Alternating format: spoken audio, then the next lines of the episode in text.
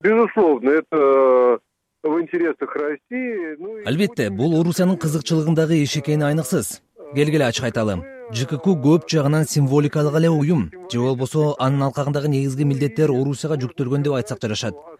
Жккнун ыкчам жайгаштырылуучу жамааттык күчтөрү деле символикалык мүнөзгө ээ. Ага тийиштүү укуктук ченемдер.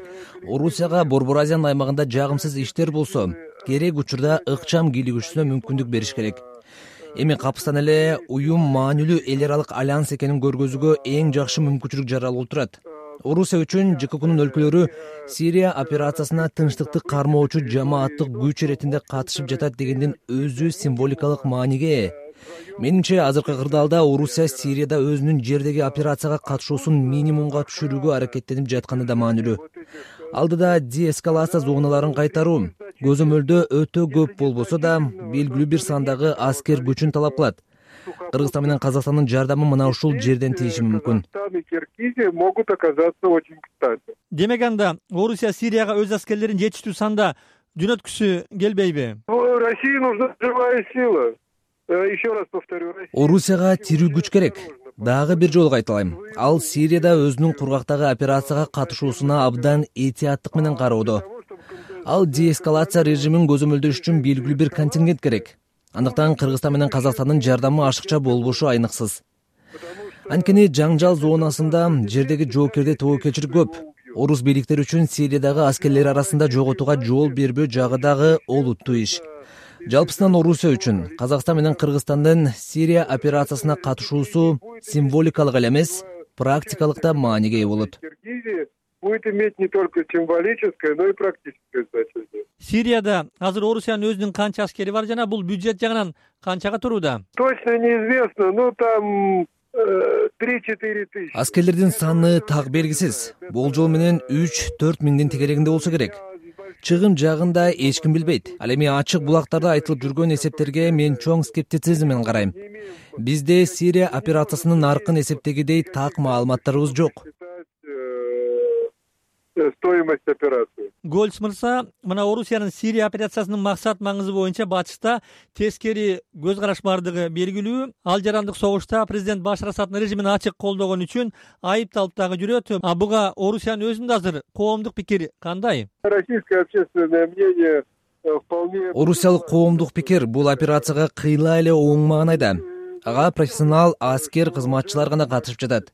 Жоготуу дээрлик жокко эсе операция негизинен абадан гана жүргүзүлүп душмандын турумдары ийгиликтүү бомбаланып жатат деген ишеним бар. Успешно бомбит противника с воздуха сирия боюнча астанадагы май айындагы соңку сүйлөшүүлөрдө мына орусия түркия иран макулдашкан расмий дамаск колдогон бирок сириялык оппозиция каршы чыккан акш түшүнүксүз жагдайлары көп деп атаган план боюнча төрт деэскалация зонасынын картасы мына июнь айынын башында аныкталуусу керек эле. Бул маселе азыр кайсыл деңгээлде пока что сторонами обменивают тараптар азырынча ошол деэскалация зоналарын кайсыл жерде кантип түзүү аларга режим кандай болору боюнча сунуштарды гана алмашып жаткандай. Мен түшүнгөндөн акыркы макулдашуулар азырынча жетишиле элек.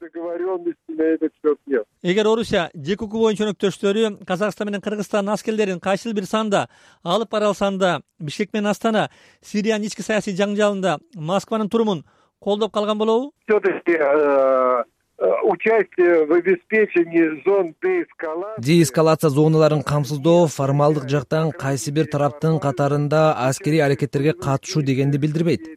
Бул тынчтык орнотуу операциясы болот го бирок башка жаңжалдарда мына ушундай зоналарды түзүүнүн кайгылуу тажрыйбасы бир нерсени көргөзүп турат. Мындай зоналар түзүлөр замат эле ошол куралдуу жаңжалдын катышуучулары өз кызыкчылыгы үчүн колдонуп кеткен учурлар көп эле болгон деэскалация режими сакталбастан көбүнчө бузулуп калса аны камсыздагандар да кандайдыр бир деңгээлде ички сириялык жаңжалга тартылган болуп калат. Вовлеченными в этот внутрисирийский конфликт. Гольц мырза акыркы сурообуз азырынча чечим. Кабыл алына элек деңизчи бирок кандай дейсиз? Орусиянын сунушу менен казакстан жана кыргызстандын сирия операциясына катышуусу бул эки өлкөнүн улуттук кызыкчылыктарына жооп береби? Э, я не думаю если честно чынын айтканда мен сирия операциясына катышуу бул өлкөлөрдүн кызыкчылыгындагы иш деп ойлобойм. Ооба бир жагынан ал бул өлкөлөрдүн эл аралык баркын көтөрөт.